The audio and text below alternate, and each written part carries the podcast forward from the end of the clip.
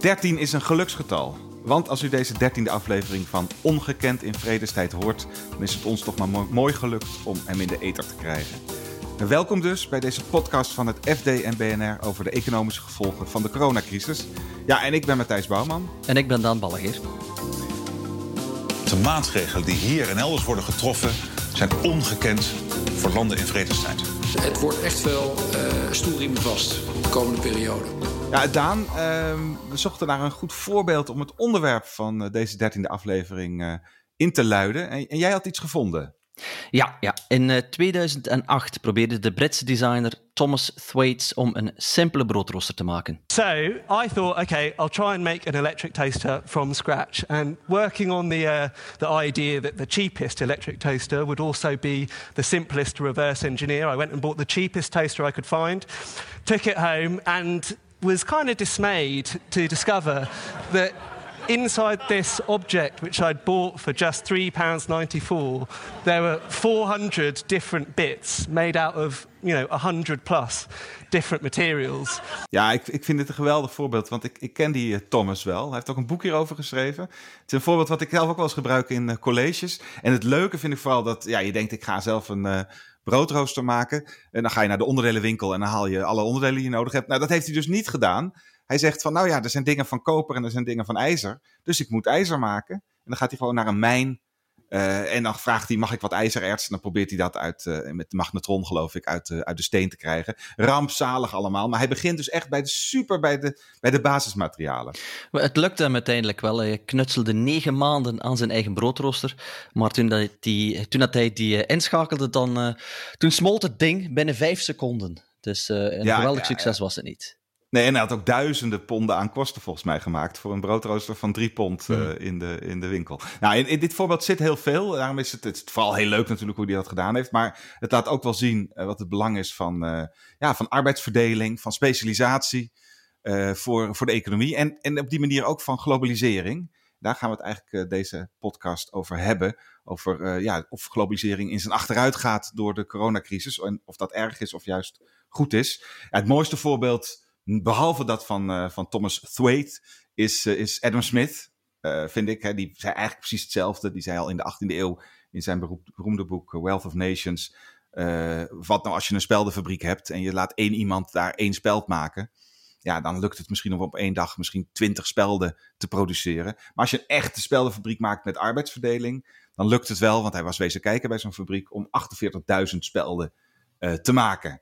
En dat betekent dus, uh, je moet niet allemaal proberen alles te doen. Je moet je specialiseren. Het probleem is natuurlijk wel, als je specialiseert met je speldenfabriek, dan heb je uh, veel te veel spelden voor de lokale vraag. Dus de volgende stap is handel. Misschien wel wel handel over de grenzen. En zo is eigenlijk de moderne economie ontstaan, als je het heel simpel zegt. Iedereen specialiseerde zich, moest handel drijven. En uh, ja, zo ontstond er een hele keten van, van productie. En economen hebben het dan over de glo global supply chain. Uh, de global value chain, als ze een beetje chic zijn. Een soort, uh, ja, soort opstapeling van allerlei stapjes in de productieketen die verspreid zijn geraakt over verschillende landen. In Nederland zeggen we denk productieketen, aanvoerketen. En om even een, uh, een getal te noemen, volgens de laatste Global Value Chain Development Report, ja dat bestaat, is inmiddels twee derde van de totale wereldhandel bestaat uit goederen- en dienstenstromen binnen de productieketen, dus halffabrikaten. En nog maar een derde bestaat uit flesjes wijn en kaasjes en uh, iPhones die naar de eind, eindgebruiker gaat. Ja, maar sinds de coronacrisis toch het onderwerp van deze podcast zijn, veel mensen zich gaan afvragen of die productieketens niet veel te complex zijn geworden. Moeten we bijvoorbeeld niet meer dicht bij huis produceren, want dan hebben we die dingen misschien gemakkelijker beschikbaar. En dan zijn we bij een volgende crisis niet meer zo afhankelijk van het buitenland. Dat is de redenering. Dat is het onderwerp van, van vandaag. en verder gaan we in onze rubriek Neighbors spreken met onze eigen FD-correspondent in Londen, Joost Dobber. hij vertelt ons hoe en hoe goed de Britten de coronacrisis tot nu toe hebben aangepakt en wat er nog in het verschiet ligt.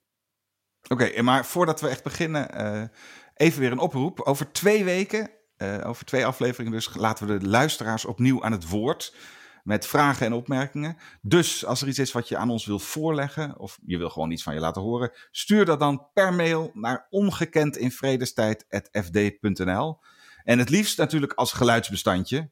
een bestandje met je vraag of met je opmerking, want dan kunnen we dat in de uitzending monteren. Geluidbestandjes hebben grotere kans om de uitzending te halen dan getypte vragen, maar alles is welkom. Uh, doe ons wel een plezier, hou het bij maximaal twee vragen. Nou, we kijken ernaar uit. Oké, uh, als we dan toch over die aanvoerketen spreken, dan moet ik toch denk ik eerst uh, beginnen met die speldenfabriek van Adam Smith die jij net aanhaalde, want die handel was toen veel beperkter. Mensen keken als ondernemers toch vooral in de buurt van hun eigen bedrijf, fysiek, geografisch. Je ging niet meteen met China handelen. toch zit daarin het voorbeeld van die speldenfabriek dat handel en het opknippen van arbeid essentiële ingrediënten zijn van economische groei. En als we dat optrekken naar vandaag, dan zien we dat producten van over de hele wereld komen. Zelfs doodgewone tandpasta heeft 17 ingrediënten. En dan heb ik het plastic voor de tube nog niet eens meegerekend. Dus grondstoffen komen vaak van over de hele wereld, zijn door vele handen gegaan voor ze bij ons in huis belanden. En dus ja, die opdeling van de taken, dan denk ik bijvoorbeeld aan mensen die producten ontwerpen, anderen die ze maken, samenstellen, vervoeren, adverteren en verkopen. Een belangrijke reden voor die globalisering, dat is natuurlijk de ICT-revolutie van de jaren 90 en 2000. Ja, het internet, hoe kan het ook anders, waardoor bedrijven hun productieproces goedkoper of efficiënter konden maken door delen daarvan elders te doen of uit te besteden. Denk bijvoorbeeld aan een textielbedrijf dat zijn hoogtechnologische producten in Nederland maakt, maar zijn goedkope bulkproducten in China. En dat maakt dus de hele waardeketen wel langer en complexer. En dus die waardeketen, zoals jij al eerder aanhaalde, dat zijn alle activiteiten die nodig zijn om een product te maken. En wat, wat heeft de ECT daarmee te maken? Waarom, waarom heb je een ECT nodig? Wel, als je uh, een andere leverancier wil, of je wil contact leggen met klanten in een ander land, uh, als je dat vroeger moest doen per telefoon, per fax uh, of ja, ja. een van die oudere manieren. Nu kan je heel gemakkelijk met ICT-systemen en planning opstarten. Je kan zien wat de voorraden zijn, bijvoorbeeld bij een leverancier. Je kan gemakkelijk contact leggen met nieuwe potentiële klanten. Dus die zoekkosten en die organisatiekosten die zijn heel sterk gedaald. En een van de, van de ja, neveneffecten daarvan is dat door de globalisering goederen doorheen hun productieproces uh, soms wel verschillende keren de wereld rondgaan uh, voor bewerking.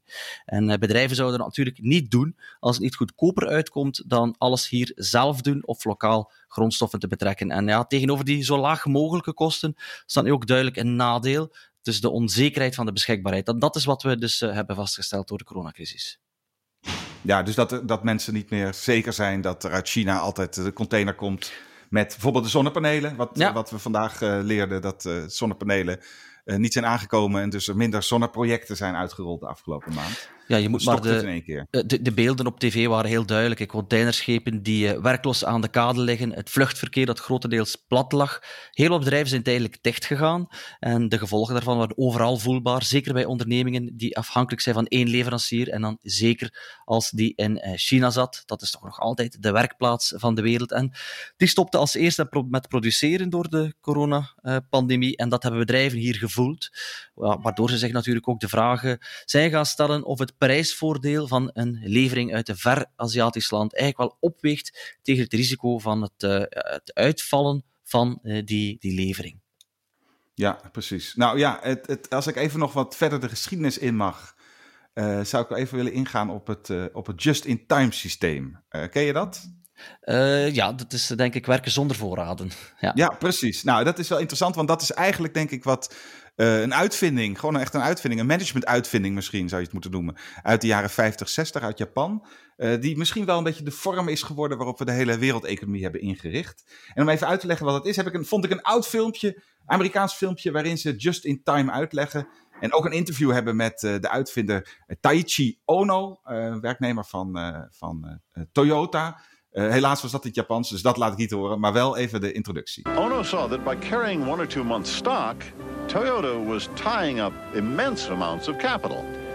So the company reorganized the factories until the assembly line and the making of the parts ran at the same rate. Parts were only made and called to the assembly line in the quantity needed. The Japanese called it the just-in-time method. Ja, klinkt eigenlijk heel simpel, maar terwijl ze in Amerika nog gewoon ja, een soort interne voorraden hadden in de autofabrieken, waarin er heel veel deuren en ramen en uh, ruitenwissers werden geproduceerd. En je pakte maar uit het magazijn wat je nodig had als je een auto in elkaar ging maken aan de lopende band. Zeiden die Japanners, nee, die lopende band loopt eigenlijk helemaal door tot de productie van uh, van, van die, die, die onderdelen. En dat betekende dat er veel minder voorraden nodig waren. Dat moesten Japanners ook wel, want die hadden valutatekorten. Die konden helemaal niet zomaar voorraden gaan, uh, gaan opbouwen na de Tweede Wereldoorlog. Dus dat was de noodbreekt wet. Super efficiënte productie, waarbij natuurlijk planning en hè, waar jij het net ook over had, wat tegenwoordig met de ICT gaat, precies weten hoeveel je van wat hebt. Uh, die administratie moest perfect op orde zijn. Uiteindelijk uh, werd het populair in Japan, daarna in Amerika. Daar noemden ze het meer lean production. dat, is, dat is nog een term die je nog steeds wel vaak hoort. en toen dus de, de, de, de val van de muur zorgde dat Europese bedrijven ook in Oost-Europa konden produceren. En toen China bij de WTO kwam aan het begin van deze eeuw en China ook als een productieplaats kon worden, gaan fungeren, ja, toen moest je wel just in time gaan produceren. Want als er overal bij al die onderdelen, al die plekjes waar je produceerde, grote voorraden zouden liggen, dan was dat gewoon niet te financieren. Dan was het in elk geval heel erg duur in financieringskosten. Dus zo is de hele wereld eigenlijk een soort Toyota-fabriek geworden. Uh, super efficiënt, maar er hoeft maar één dingetje fout te gaan en iedereen voelt het ook.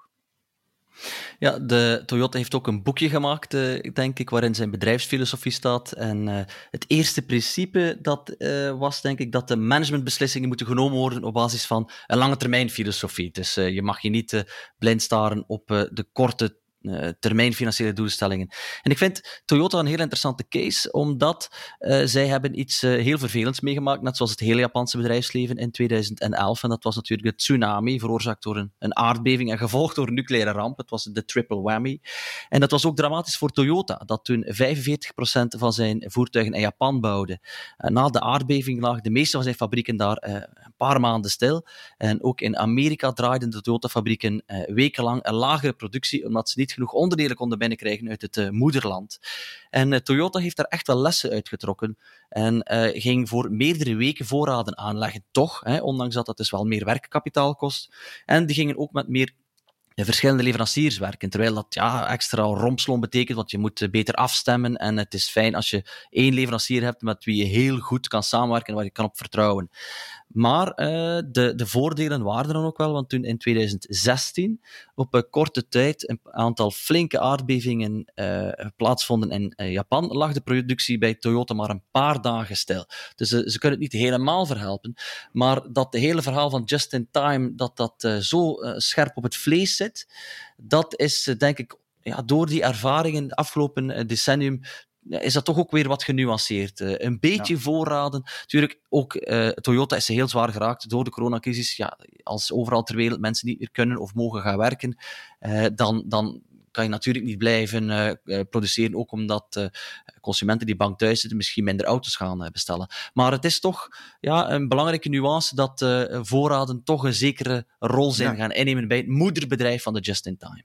Oké, en, en, dat zijn economen die zeggen je moet van uh, just in time naar just in case, om maar weer eens een nieuw uh, cliché te gebruiken. Just in case betekent je moet wel voorraden hebben voor just in case als er iets heel bijzonders gebeurt. Nou, laten we daar even beginnen, Daan. Dat betekent natuurlijk dat je um, ja, in al je, op alle plekken waar je produceert een werkvoorraad gaat aanleggen. Dus stel je voor dat je een, nou, die tandpasta maakt, waar overal vanwege een halve cent goedkopere productiekosten uh, onderdeeltje wordt geproduceerd. Ja, dan gaat die keten, hè, stel je voor dat we dat doen, we gaan weer wat meer voorraden aanleggen, dan wordt die keten misschien ook wel veel simpeler. Want dan is het niet meer efficiënt om continu maar elk onderdeeltje op de meest efficiënte plek te, uh, te, te leggen. Dus het zorgt niet alleen voor meer voorraden, het zorgt ook misschien wel voor minder productievestigingen. Denk je, denk je dat ook? Ik denk dat uh, ondernemingen die die afwegingen maken nog altijd uh, het onderste lijntje van de resultatenrekening in gedachten hebben uh, en hun kapitaalverschaffers ook. Met andere woorden, die willen dat de winstmarge geoptimaliseerd wordt, om het technisch ja. uit te drukken. En, en dat er wel meer aandacht zal gaan naar het aanleggen van, van voorraden en een buffer. Dus eigenlijk voeg je inefficiëntie toe aan het systeem vanuit het idee dat het eigenlijk uh, het bedrijf sterker maakt en niet, niet zwakker. Ja. Maar je voelt dat die spanning daar zit, want als je concurrenten hebt die uh, zeggen uh, ik hou mij helemaal niet bezig met voorraden en ik blijf scherp tegen de, de windzeilen, als het verschillende jaren goed gaat, zullen zij meer winst hebben. Dan jou, want ja, je hebt de hogere vaste kosten met die voorraden en ja, sommige voorraden worden minder waard uh, niet alleen omdat het kost geld om ze op te slaan, maar ook omdat er misschien nieuwere versies van uitkomen. En dan moet je die andere aan uh, bradeerprijzen misschien de deur uitdoen. Dus het bedrijf dat uh, scherper tegen de wind aanzeilt, die zouden dan meer geld hebben om meer te investeren en dus een concurrentievoordeel uit te bouwen. Ja. Dus ik snap wat je zegt. Ik denk dat het een hele moeilijke afweging is. Ja, je moet het eigenlijk zien als een verzekering. Hè? Als je dan een soort verzekeringspremie die je betaalt. En je zou dan ook kunnen zeggen aan je eindgebruiker, die moet je eigenlijk overtuigen dat hij iets meer moet betalen voor jouw product. Omdat hij iets meer krijgt dan de concurrent. Namelijk niet alleen het product, maar ook leverings, leveringszekerheid. Hij krijgt er eigenlijk een verzekering bij. En dat moet je op een of andere manier in die prijs zien te waarderen. En continu uitleggen dat dat dus beter is dan, uh, dan wat de concurrent doet, die uh, als er een coronacrisis of een aardbeving is, meteen weer op nul, op nul terechtkomt. Nou, dat is wel moeilijk, vooral als het een tijdje goed gaat ja, is dat natuurlijk iets wat mensen heel snel weer vergeten. Wel, ik las deze week ook onderzoek, uh, Amerikaans onderzoek, uh, over het vraagstuk of het nationaliseren van productie, dus het uh, meer in eigen land of voor, voornamelijk in eigen land produceren, of dat het eigenlijk een oplossing is voor crisissen zoals corona. En dat bleek uit dat onderzoek helemaal niet zo te zijn. En dat suggereerde zelfs dat de economische schok zelfs wat groter was geweest met nationale productieketens dan we nu met de internationale handel hebben meegemaakt. En daar is een eenvoudige verklaring voor. als je volledig volledig beroep doet op het binnenland voor je aanvoer, ben je heel hard geraakt als er een nationale lockdown is en werknemers dus zoveel mogelijk thuis moeten blijven. Als je uh, meer internationaal actief bent, kan je toch nog schuiven zodat er ergens anders uh, wat, uh, wat meer activiteit kan, kan zijn. Ja. Ja. ja, dat is eigenlijk heb je het al over de tweede oplossing voor, voor de, de tweede les van de corona, die sommige mensen trekken. Dus de eerste is meer voorraden en die tweede is, moeten we niet het allemaal weer lokaal gaan produceren. Ik denk dat dat in de politiek een hele sterke stroming is, omdat die ook natuurlijk lekker klinkt. Hè? Want dan heb je ook veel uh, lokale productie. Trump uh, die is daar uh, deze week ook echt serieus mee bezig gegaan met het sluiten van de grenzen voor arbeidsmigranten. En dan zegt hij gewoon, nou dan hebben we tenminste meer, hè, dan maken we het gewoon lekker zelf. Hij heeft ook wel eens in een interview twee weken geleden gezegd van die belachelijke internationale productieketen, daar moeten we gewoon maar mee stoppen. Dus het is wel politiek aantrekkelijk, maar jij zegt dus er is onderzoek nu wat laat zien dat dat het de boel juist niet robuuster maakt. Maar je kan het inderdaad het tegenovergestelde argument maken en zeggen dat uh, het verminderen van risico's niet alleen kan door meer naar hier te halen, maar juist omgekeerd nog internationaler te gaan. Als je in verschillende landen toeleveranciers hebt, dan spreid je het risico dat er iets verkeerd gaat in je toelevering. En dat maakt het dus allemaal nog complexer en uh, misschien ook uh, duurder. Uh, maar uh, als het alternatief is om grotere voorraden aan te houden als buffer, dan kost dat ook meer ja. geld. Ja, dan is dus de les eigenlijk uh, van, van die aanvoerproblemen van China is niet we moeten het weer zelf maken. Maar de les is dan, we moeten niet afhankelijk zijn van China. Dus je moet het misschien ook, nou ja, zoals al gebeurt in de kledingindustrie, uh, in, uh, in Turkije en Portugal dingen gaan maken. Ik denk zelf altijd, als het een keer rustig wordt in Noord-Afrika, dan is dat natuurlijk een fantastische plek om Europese fabrieken neer te zetten. Zeker als je die nog eventjes op zonne-energie laat, uh, laat werken daar. En jonge, jonge, jonge bevolking die dan kan werken. En, Latijns-Amerika wordt in Europa natuurlijk altijd een beetje vergeten als productievestiging. Terwijl de Amerikanen uh, Mexico wel gebruiken. dat is net niet Latijns-Amerika, geloof ik. Hè? Dat is uh, nou wel Latijns-Amerika, niet Zuid-Amerika. Maar Mexico, maar ook andere landen in, uh, in dat deel van de wereld. dus, en dan zou diversificatie zou dus leiden eigenlijk tot meer globalisering. Dat is precies de les die veel mensen juist niet trekken uit corona. Wel, het is heel lastig om te zien hoe bedrijven die wereldwijd actief zijn, zowel met productie als verkoop, zich opeens zouden gaan terugplooien op een, uh, op een markt. Dat zagen we de afgelopen uh, twee jaar al door uh, Donald Trump. Die bedrijven die in China produceren al een, een voorsmaakje gaf van de gevolgen van het coronavirus. Virus, door een handelsoorlog dus te voeren met China, waardoor bedrijven die daar geraakt werden, door de heffingen op zoek gingen naar andere lage loonkostlanden om hun spullen te maken, zoals Vietnam, Bangladesh, Thailand en Cambodja. Dus die ja, zijn ja. niet aan master Niet naar Amerika? Naar nee. Amerika, ja. Nee, precies. En, en nou nog even wat strategische goederen. Want uh, wij kwamen er natuurlijk achter uh, tijdens de coronacrisis dat wij eigenlijk geen, uh, geen schorten produceren voor, voor ziekenhuizen. Dat we geen mondkapjes produceren. Dat we niet eens meer vaccins op grote schaal kunnen produceren in Europa. Uh, moet je dat soort dingen niet uit strategisch oogpunt toch gewoon zelf weer gaan produceren? Ja, het was in elk geval niet mooi om te zien. Sommige overheden die sloegen uh, zelfs medische producten aan op een grondgebied, ook als die op weg waren naar een ander land ja. waar ze besteld en betaald waren.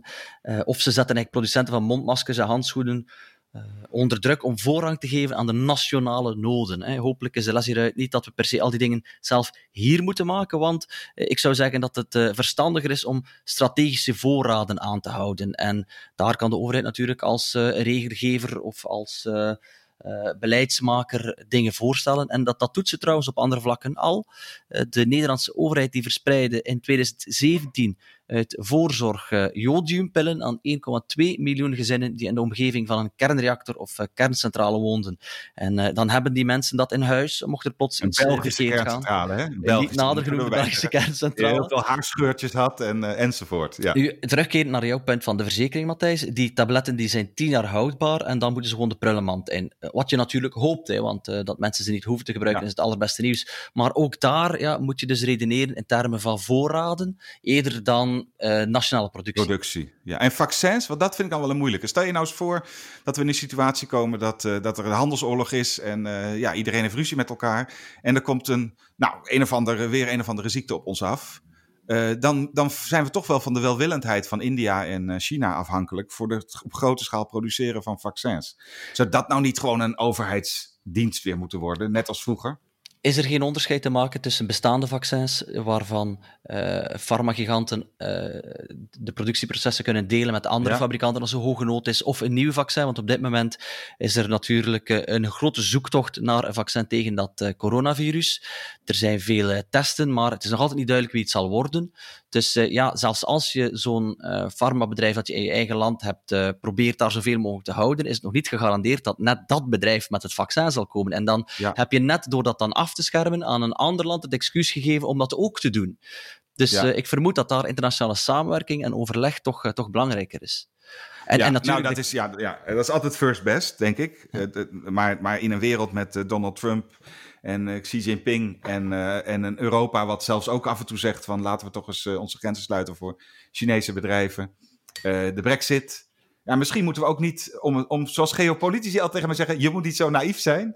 Uh, er was toch dat daar, daar... Duitse bedrijf dat een uh, hoopgevend vaccin in de maak had, ja. waarvan de Amerikanen toen de eerste uh, miljoenen vaccins ja. hadden gekocht. Dat was een bedrijf in Duitsland. Ja, maar dat doen wij precies hetzelfde. Hè? Wij hebben nu samen met Duitsland en Frankrijk hebben wij vast een claim op de eerste vaccins uit, uit Groot-Brittannië gelegd. En dat hebben de Portugezen dus niet. En wij wel. Dus straks Wat? lachen wij ze in. Ja, dat vind ik echt niet kunnen in Europa. Sommige luisteraars die uh, zich uh, verzetten tegen Europa zullen het niet graag horen. Maar ik denk dat hier toch een rol is weggelegd ook uh, voor de Europese Commissie om te kijken als die vaccins gemaakt worden en te proberen afstemmen tussen de landen, voor zover ze daar de bevoegdheden voor heeft, wie als eerste die vaccins krijgt. En dan denk ik dat je toch vooral spreekt over de kwetsbare groepen in de samenleving, ouderen, uh, mensen met uh, gezondheidsproblemen, en dat je in de verschillende landen eerst de meest kwetsbare gaat uh, vaccineren en dat je niet meteen begint in één land ook de, de, de, de, de pubers te vaccineren, want dat is een hele lage risicogroep. Ja, ja. Heel goed. Uh, ja, ik vind overigens dat je je nooit hoeft te verexcuseren als je pleit voor Europese samenwerking hoor. Dus uh, leer dat maar af. Het is gewoon, uh, hoeven niet de excuus aan te bieden aan de luisteraars die dat dan vervelend vinden. Die kunnen mooi een vraag inleveren voor over twee weken. En dan kunnen we daar ik, binnen twee weken lekker over doorwomen. Ja, ik ga even proberen een samenvatting te maken. Vind je dat goed? Want het is best ingewikkeld geweest. Ja. Um, internationale, nee, internationale specialisatie heeft gezorgd voor een hele efficiënte productieketen in de wereld, waarin er nauwelijks voorraden zijn. Dat is in normale tijden zorgt dat voor, uh, voor nou, behoorlijk lage kosten en daardoor uh, relatief hoge welvaart. Um, maar het is niet robuust en elke keer blijkt bij een crisis zoals nu dat, het, uh, dat er eigenlijk wat meer ja, veerkracht nodig is in dat systeem.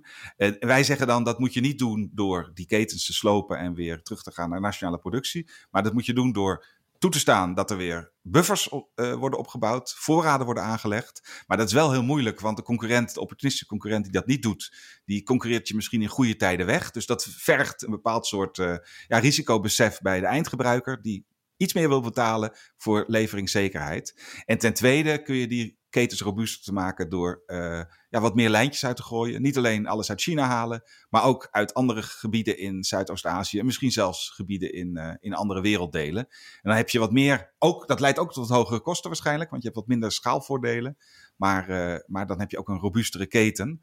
En dan kunnen we de volgende crisis iets beter aan. Zoiets? Dat is uh, heel helder. Het lijkt wel alsof uh, importeren plots een soort van een vies woord is uh, geworden, terwijl het toch een, ja, een essentieel element is van internationale handel.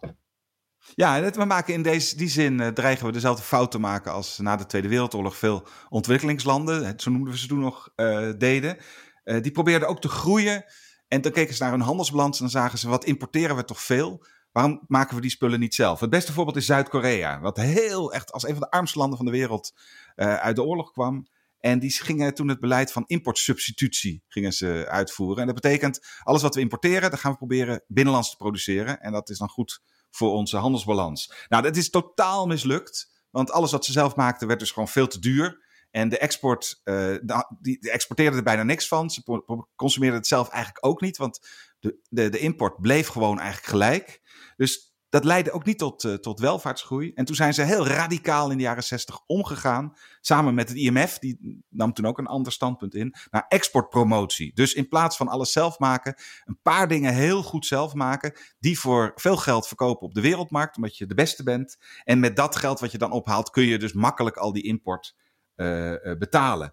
En de diepe armoede van eind jaren 60 leidde tot, uh, tot nou ja, tegenwoordig Zuid-Korea als een van de meest welvarende landen van, van, van de wereld. Met inderdaad ook bedrijven die zich heel erg gespecialiseerd hebben, of in elk geval die een dominant zijn op de wereldmarkt. Hè. Samsung, Hyundai, LG. die hebben de, de strijd duidelijk gewonnen door dat nieuwe beleid. En ja, niet alleen die bedrijven, maar natuurlijk ook de K-pop.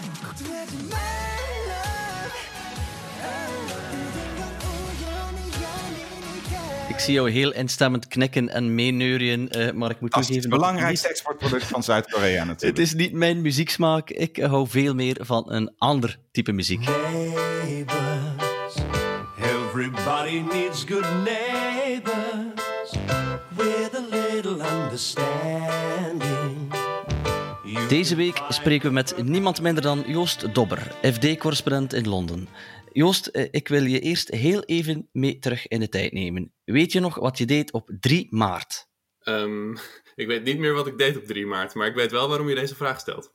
Wel, dan weet je dat het gaat om Boris Johnson, want die zei toen dit. That I, I, I, I, I'm shaking hands. I was, at a, I was at a hospital the other night where I think there were, a few, there were actually a few coronavirus uh, patients and I shook hands with everybody. Uit gelekte documenten die de Huffington Post uh, kon inkijken deze week bleek dat de Britse regering niet zeker is dat het reproductiegetal, de beruchte R, uh, onder de 1 ligt. Dat cijfer zou zelfs stijgen, wat betekent dat de ziekte er nog helemaal niet onder controle is. En dat terwijl de Britten nu alweer massaal op het strand liggen en op parkings en stoepen bier mogen tanken. Voel jij je veilig, Joost?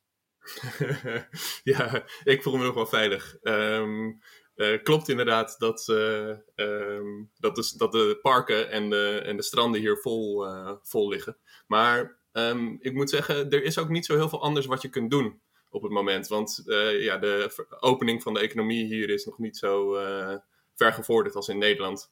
Dus ja, uh, we hebben weinig andere keus dan, uh, dan in het park gaan zitten of, uh, of, of op het strand. En met dit weer wil je toch echt wel naar buiten.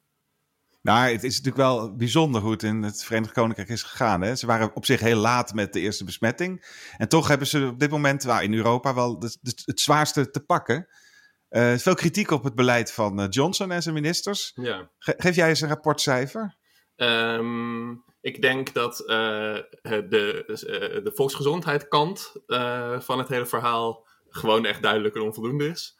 Um, en dat de, de economische kant van het verhaal wel iets beter gedaan is. Dus daar zou ik dan nog wel een 7 voor, voor geven. Oké, okay, nou even over die 7 dan. Wat, wat, wat gebeurt er in, in, in het VK als het gaat om het stutten van de, van de economie? En wat vinden bedrijven en burgers daarvan?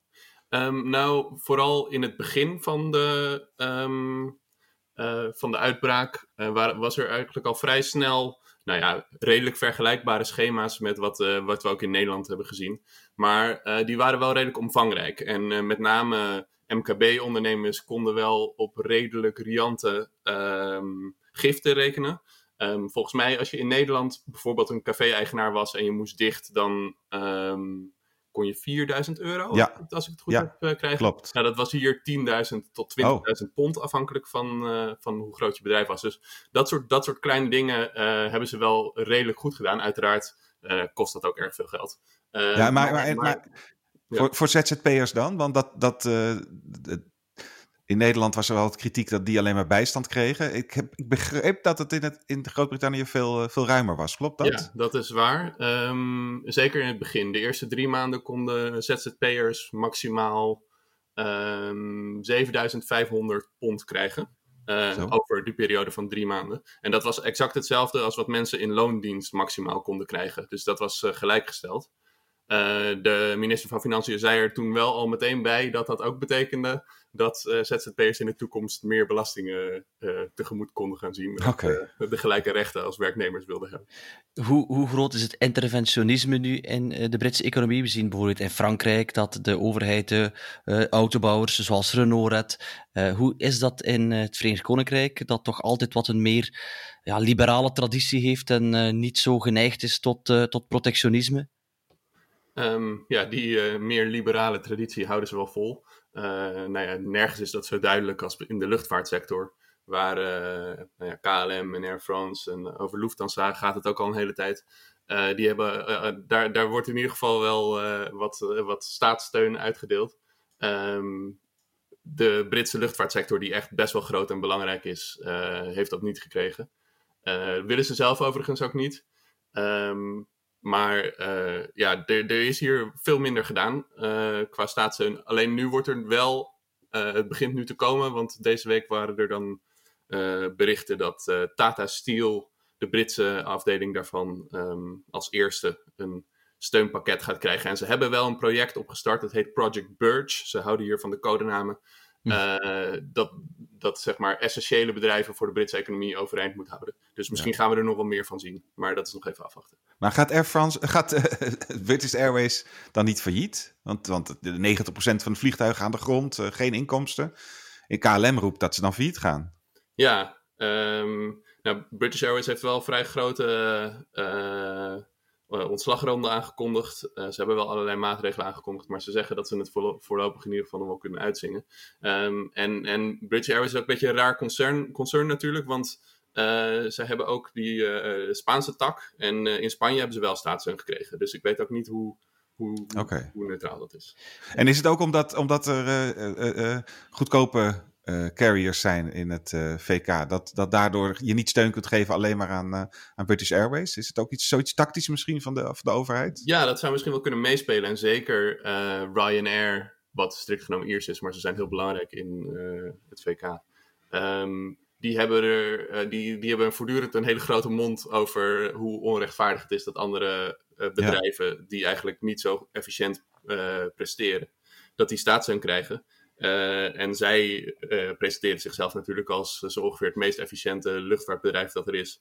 En dat ze geen staatssteun nodig hebben en dat zij gewoon, um, ja, omdat ze nou eenmaal een efficiënt bedrijf zijn, wel, wel kunnen overleven. Maar dat ze op deze manier valse concurrentie krijgen van die uh, legacy carriers. Ja, die nou, terecht denk ik. Toch? worden gaan. Ja, dat denk ik ook wel. Ja. Joost, over die, over die valse concurrentie, wat ik mij dan afvraag, toen de Britten nog uh, volwaardig deel uitmaakten van de Europese Unie, dan uh, moesten ze net als andere EU-lidstaten hun staatssteun aanmelden bij de commissie en die konden er dan als scherprechter over oordelen wat mocht en wat niet mocht. nu hebben ze dus veel meer de handen vrij. is dat een argument dat de Britse regering ook aanhaalt van wij hebben meer slagkracht doordat we eigenlijk die brexit in de gang hebben gezet, of dat die eigenlijk de facto bijna is afgerond? Of uh, is het toch uh, ja, nu duidelijk geworden dat buiten de EU staan ook economische gevolgen heeft in deze coronacrisis? Nou ja, strikt genomen staan ze nog helemaal niet buiten de EU en hebben ze helemaal niet meer bewegingsruimte om staatssteun uit uit te delen. Tot en met het einde van het jaar zitten ze nog gewoon vast in het Europese systeem. Um, daarna kunnen ze natuurlijk eventueel wel meer hun eigen plan uh, trekken. Maar dit is juist het uh, hete hangijzer in de Brexit-onderhandelingen, omdat de Europese Unie eigenlijk wil dat uh, de Britten toch wel een beetje de Europese lijn in zaken staatssteun blijven volgen. dat is wat het gelijk speelveld is gaan heten. Um, dus, dus dit is wel iets wat, waar heel veel over gepraat wordt. Maar, maar, maar de Britten die houden tot nu toe wel vol dat ze hun eigen weg willen gaan. Um, en dan is het even afwachten wat, wat er gaat gebeuren. Boris Johnson heeft een tijd geleden alweer, ik denk dat dat uh, in het najaar was, heeft hij wel gezegd dat hij wilde dat hij meer mogelijkheden kreeg om uh, bedrijven overeind te houden. Ik weet niet of je nog weet, hij op een gegeven moment hij heeft als burgemeester van Londen heeft hij die mooie, ehm, maar niet heel erg goed functionerende rode dubbeldekbussen, dubbeldekbussen heeft hij geïntroduceerd. En de bouwer daarvan, dat is een Noord-Iers bedrijf, die was failliet gegaan. En dat was een beetje de periode waar, waarin hij zei, goh, het zou toch wel fijn zijn als wij na de brexit ehm, wat meer onze handen vrij hebben om staatssteun te verlenen. Ja, eigen industriebeleid weer. Nou, nu zijn, nu zijn we lekker toch bij de brexit uitgekomen. Terwijl het natuurlijk al moet gaan over de corona. Maar dan toch even... Ja, nee, het is heel belangrijk ook, denk ik. Want het, het, hangt ook nog boven de markt. Maar we krijgen niet alleen een brexit. We krijgen ook nog eens een keer een... Ja, toch wel een Verenigd Koninkrijk wat extra hard geraakt is door de coronacrisis. Of is dat dan een detail? Um, nou ja, ik, ik weet niet of dat een detail is. Dat, dat, dat, dat is moeilijk in te schatten nu. Ik weet wel dat wat er hier heel erg geopperd wordt. Want we hebben natuurlijk. Hij is nu net afgerond, maar we hebben heel lang die discussie gehad over. Uh, de verlenging van de transitieperiode. En dat er hier zeker in de Brexiteerhoek. Uh, echt wel mensen waren die zeiden van. Nou, het komt ons helemaal niet zo slecht uit, die coronacrisis. Want als we zometeen een no-deal uh, exit uit de Europese Unie hebben op 1 januari nou, dan, dan, dan is het toch wel fijn als de economie niet op volle toeren draait. Want dan kunnen we, kunnen onze havens, uh, de handel, uh, de extra handelsbarrières veel beter hebben. Uh, en ook de pijn van, de, van een no-deal Brexit wordt dan een beetje verborgen ja. in de pijn van de coronacrisis. Dus ja, er, er zijn toch vragen te stellen bij de soliditeit van het uh, Britse politieke en ook economische beleid doorheen deze coronacrisis. Uh, en die sporen denk ik ook wel met uh, de discussies rond de brexit, waarbij je de Schotten hebben die er toch helemaal anders over denken dan Little England, om het wat denigrerend te stellen. Um, hoe, hoe, in, hoe uniform is nu dat coronabeleid van die regering? Want ze moeten ook rekening houden met wat er in andere delen van het VK gebeurt. Um, ja, heel uniform is het niet. Um, voor het eerst in weet ik veel hoeveel jaar zijn er ook weer grenzen binnen het Verenigd Koninkrijk. Want er waren tijdens uh, de coronacrisis op een gegeven moment ging Engeland, of de centrale regering in Londen, was als eerste zover dat ze de, de boel wilden versoepelen. Maar in Wales en in Schotland zaten ze daar absoluut niet op te wachten. Uh, dat liep toen op, nog wel redelijk uh, hoog op. En toen zijn er dus ook weer grenscontroles ingevoerd tussen Wales en Engeland bijvoorbeeld. Uh, nou ja, dat was, dat was dan wel weer, als je dus als, als Engelsman naar, naar Wales wilde rijden, dan werd je gewoon tegengehouden en teruggestuurd. Um, dus, dus de, helemaal soepel is het zeker niet gelopen. En uh, deze week heeft Boris Johnson um, de weer nieuwe versoepelingen aangekondigd, die dan op uh, begin juli ingaan. En dat zijn ook wel versoepelingen die dan alleen maar voor Engeland gelden. En Schotland, Noord-Ierland en Wales, die trekken hun eigen plan. Um, dus ja, het loopt niet helemaal in lijn. Aan de andere, uh, in lijn. Aan de andere kant um, zijn ook de Schotten en de Noord-Ieren en de, en de, de Welshmen zo, zover dat ze nu versoepelingen door, door gaan voeren. En volgens mij, als je op 7 juli zometeen naar welke van de vier landen dan ook gaat, je zal op een terras bij een pub een biertje kunnen drinken. Oké, nou ja, dankjewel Joost voor deze inzichten in hoe het gaat aan de overkant van, uh, van de Noordzee. Uh, nog even een laatste opmerking van mij. Misschien, hè, nu lachen we een beetje op de Britten, want die hebben het allemaal zo slecht uh, georganiseerd. Maar misschien worden jullie uiteindelijk wel de redding van de hele wereld. Want er is grote kans dat het vaccin uiteindelijk uit een universiteit of een, van lab uit, uit Groot-Brittannië komt. Ja, toch? Nou, hopen. Laten we het hopen. Ja, en dan vieren we allemaal weer feest met de Britten. Dan echt een victory day wordt dat. Ja. dankjewel en succes daar. Jo, bedankt. Okay, voor we officieel afsluiten, toch nog even onze oproep herhalen. Heb je vragen over hoe de coronacrisis onze economie beïnvloedt? Stuur die dan op naar ongekendinvredestijd.fd.nl. Uh, dat kan in tekst, maar nog veel liever in een geluidsfragment. Dan kom je live in de uitzending. Nou ja, live met je eigen stem. En dan proberen wij binnen twee weken die te beantwoorden. Bedankt voor het luisteren.